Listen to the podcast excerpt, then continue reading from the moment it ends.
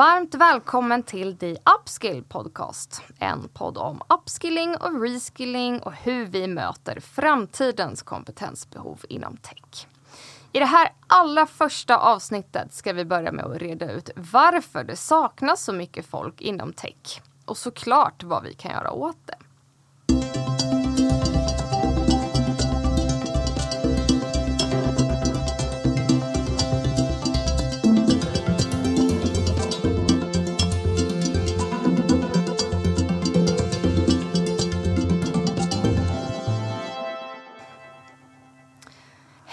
Hej och kul att ni är med oss här på The Upskill Podcast.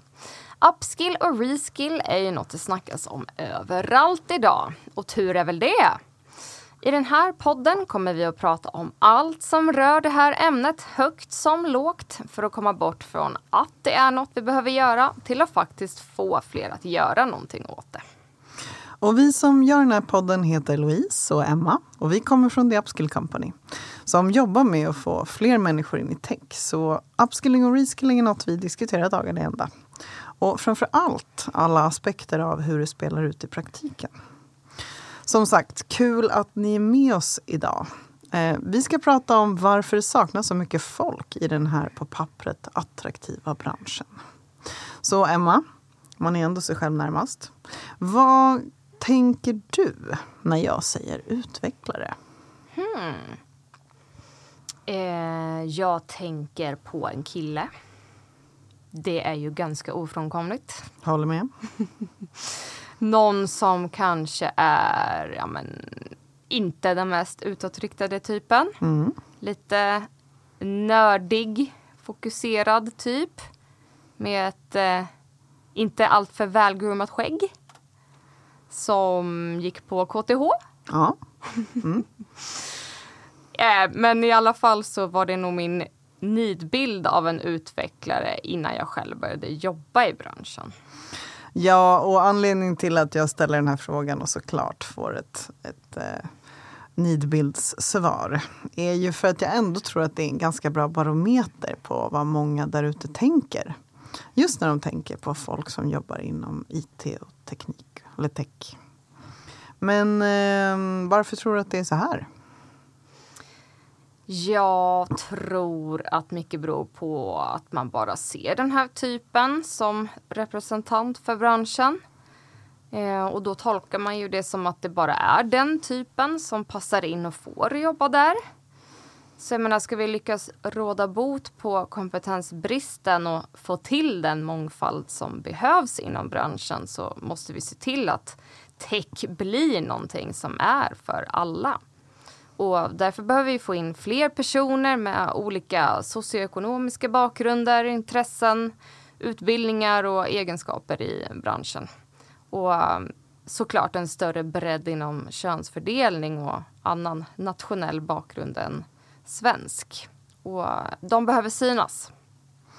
Ja, att vi har för dålig representation är definitivt en av anledningarna till att vi saknar så mycket folk inom tech.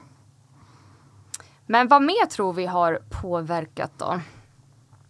Det saknas ju sjukt mycket människor i branschen. Ja, men jag tror att eh, det börjar, en av liksom grundproblemen handlar nog mycket om att i alla fall traditionellt sett, eller om man tittar bakåt, så syns inte tech så mycket. Det är liksom svårt att veta vad en, vad en utvecklare gör om dagarna, för att vi ser aldrig det. Och det är lätt att lista ut, liksom, eller i alla fall gissa sig till vad någon inom bankvärlden gör. Eller vad man gör när man jobbar som sjuksköterska eller vad vi nu tar för exempel. Men vad gör man som utvecklare? Och jag tror att en del av det också handlar om att man ganska tidigt eh, kan sortera sig in i någon typ av teknikfälla. Att vi tänker att, att jobba som utvecklare är liksom oerhört tekniskt. Att det verkligen handlar om att sitta och skriva kod. Och så är det inte. Och sitta där i någon källare och skriva kod är väl det som leder in mig på nästa ämne också, nämligen att eh, utvecklaryrket har nog framställts som väldigt, väldigt ensamt. Alltså att det är någonting man gör verkligen själv. Eh, inte som någonting som är en del av ett teamwork. Och Men så är det ju inte idag. Nej, verkligen inte. Jag menar, jobba med utveckling innebär ju otroligt mycket samarbete och teamwork. Eh, det tror jag verkligen är en sån här sak man behöver lyfta upp. Att det inte är ett ensamt jobb. Eh, och jag vet inte hur många gånger jag har hört det argumentet bland folk som liksom väljer bort en karriär inom tech. Att så här, nej men jag vill hellre jobba med människor. Exakt. Och jobbar man med utveckling idag så jobbar man ju faktiskt med att liksom hjälpa folk. Alltså att skapa lösningar som underlättar på olika sätt.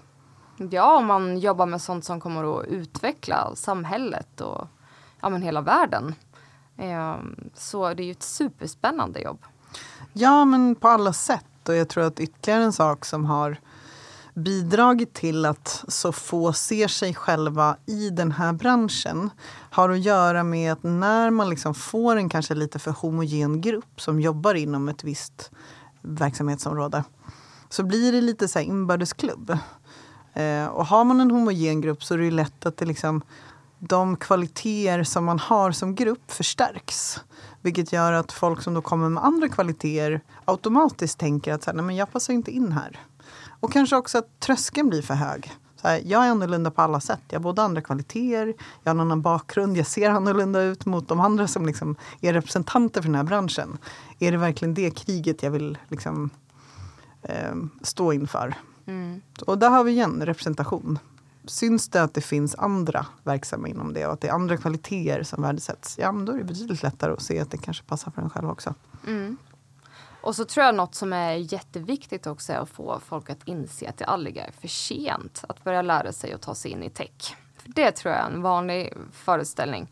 Att man tror att man var tvungen att börja redan på högstadiet. Och gjorde man inte det så är det kört. Och därför så, ja men som du är inne på, behöver vi få fler att förstå det här med vilka kvaliteter det är som faktiskt passar in här.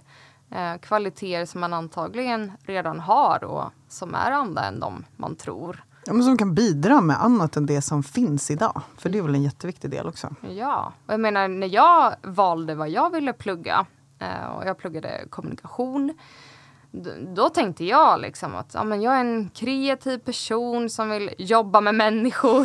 Där jag vill på skapa och berätta. Och, jag menar, då hade jag som sagt ingen aning om att det fanns och verkligen behövs sådana personer inom tech.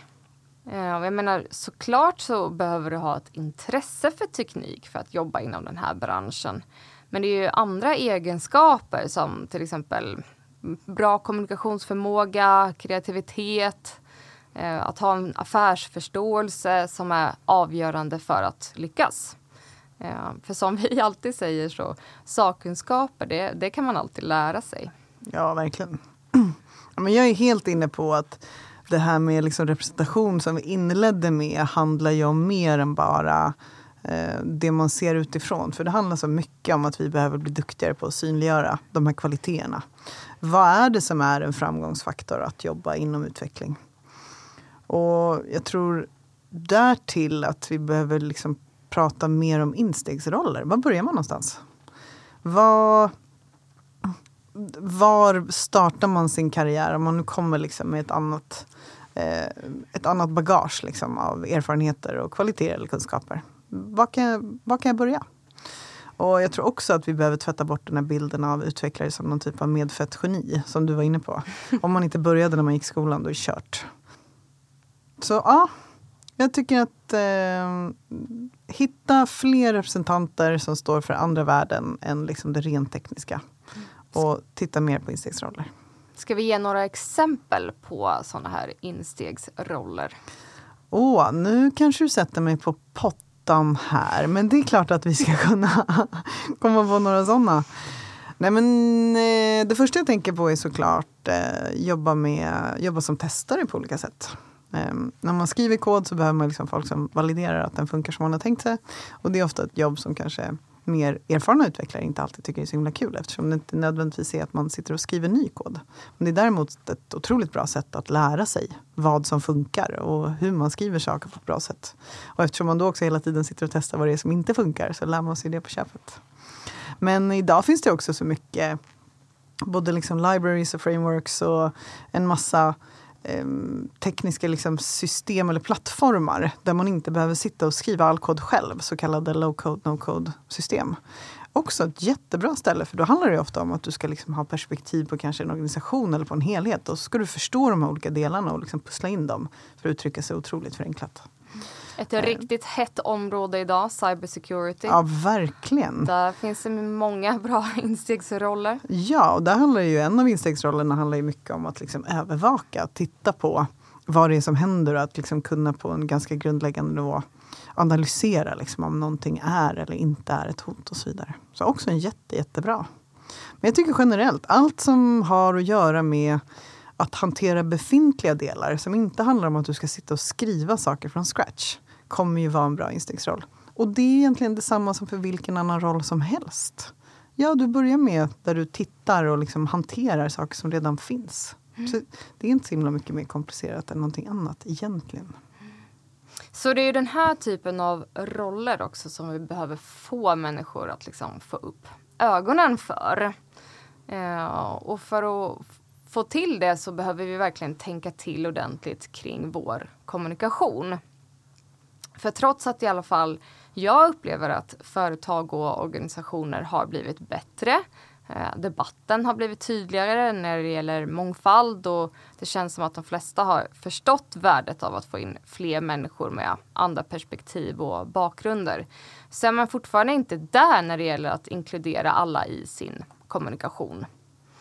Eh, och är det liksom andra förmågor än enbart den tekniska höjden som man ser kommer vara viktiga för att ens team ska prestera på den nivå man vill ja, men då måste man ju uttrycka sig och leta efter andra saker eh, redan i sitt annonsförfarande. För det är faktiskt där vi möter jobb för det mesta som en första anhalt. Och, ja, men så här tror jag att man behöver jobba med att ta fram tydliga strategier för hur man ska kommunicera. Hur man beskriver jobbet, vilka krav man sätter upp och vilka kvaliteter som man trycker på som viktiga. Ja, men som är alltid med kommunikation. Tänk på vem det är du pratar med, inte vem du som pratare är. Exakt. Och nu kanske jag outar mig själv för mycket här, men jag är själv livrädd för jobbannonser. alltså, de gångerna jag varit ute och sökt jobb, det är ju få gånger som jag känner mig så dålig och liksom inkompetent som när jag sitter och läser jobbannonser. Och jag menar, då jobbar jag inte ens inom liksom traditionellt tekniska eller roller där, där kraven ofta är ännu mer specifika över liksom vad man ska kunna än vad det kanske är för den typen av roller som jag har sökt genom åren. Nej men du ser, och, och så ska man ju inte behöva känna. Och det är inte särskilt troligt att du söker jobbet då heller. Nej men exakt. Och en sak som jag tycker är värt att poängtera i det här sammanhanget när vi pratar om jobbannonser är att när vi är ute och pratar med våra kunder som såklart då har eh, tydlig brist inom ett visst typ av område inom teknik så börjar alltid diskussionerna väldigt mycket med att man pratar om de faktiska sakkunskaperna. Vad ska de kunna inom det här då techfältet eller vad vi nu är någonstans. Men ju längre man pratar och diskuterar om vad som är viktigt att kunna i den här rollen så går det ofta mer och mer över till att handla just om kvaliteter. Ja, de vill ha någon som är duktig på att kommunicera. De vill ha någon som är duktig på att samarbeta. De kanske till och med vill ha någon som är, liksom, har lite projektledaregenskaper eller ja, men vad det nu kan vara. Så att från att ha börjat från de här väldigt sakkunskaperna just så leder det ofta längre och längre bort till att det handlar om att så här, får jag rätt person så är sakkunskaperna sekundära. Och det ges det ju sällan utrymme för i den här typen av jobbannonser. Nej. Så där ser jag ett jättestort ställe där man skulle kunna bli otroligt mycket bättre på att uttrycka vad det är som är viktigt. Ja men exakt. Eh, och också en annan grej som man, som man ju måste tänka på är ju vad man marknadsför de här rollerna. För det är inte så troligt att de man då vill nå aktivt letar efter eller ens känner till de här rollerna så där måste man ju också kanske tänka lite annorlunda och vara lite kreativ. Exakt. Eh, vi på The Upskill Company brukar ju säga att vill man ha annorlunda resultat då måste man också våga göra annorlunda från start. Ja, och på tal om att göra annorlunda så pratas det ju mycket om idag att de här traditionella utbildningarna inte räcker till för att täcka behovet av kompetens inom tech. Nej, vi behöver erbjuda folk fler sätt att röra sig mot det här området. Och kan vi då hitta andra sätt att erbjuda folk snabbare sätt att utbilda sig eller omskola sig för jag menar för många av oss, jag pratar egen sak, som kanske har jobbat i flera år och har liksom någon typ av etablerat liv någonstans. Det kanske liksom inte är ens på kartan att börja läsa på universitetet eller högskola. Nej, och det är ju det här som är vårt sätt att få in fler människor i branschen. Vi på The Upskill Company, vi hjälper bolag att hitta och utbilda nya medarbetare genom att omskola människor som idag gör något helt annat men vill byta bana. Ja, och våra program de är bara 12 veckor långa. Och man får dessutom lön under utbildningen och ett jobb direkt efteråt där man får fortsätta lära sig och såklart växa in i sin roll. Det vore naivt av oss att säga att man är klar efter 12 veckor. Men det här är en, det vi liksom syftar till i våra program är att ge folk precis rätt start för att börja sin karriär. Mm. En bra väg in i tech. Ja, exakt. Mm. Men om vi ska försöka ta och avrunda lite här då eh, och summera det vi precis har pratat om här så är det ju att vi behöver få fler och inse att de passar i den här branschen och förstå att det är andra kvaliteter än de som många tror som krävs för att jobba här. Och att det inte är ett ensamt jobb. Ja, och ska vi förmedla alla de här sakerna så att en fler förstår vad det betyder, då måste vi också tänka på hur vi kommunicerar. Vi behöver fler förebilder, behöver ha en bredare representation generellt. Och eh, såklart, vi behöver erbjuda enklare sätt för folk att byta karriär. Mm.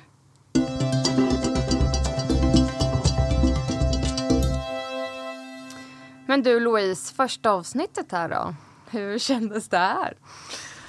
Eh, ja, det var... Jag tror att jag citerar min eh, son när han ska börja skolan här för ett par månader sedan. Kul, spännande och läskigt. det är ju lätt att hamna i lite hemmablindhet över att eh, vi som pratar om de här sakerna varje dag tycker att det är självklarheter. Men det är det ju faktiskt inte.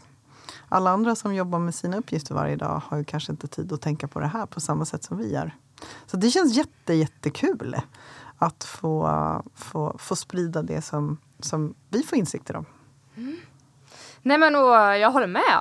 Och mm, jag hoppas verkligen att ni som lyssnat fått med er något bra härifrån och att ni kommer vilja fortsätta hänga med oss här. Och har ni några frågor eller idéer på sånt som vi kan ta upp i den här podden så får ni jättegärna höra av er till oss och connecta gärna med oss på LinkedIn. Jag heter Emma Annerud. Och jag heter Louise Vannerell. Nästa gång så har vi tänkt att prata lite om begreppen upskilling och reskilling. Spännande. Hoppas vi ses då.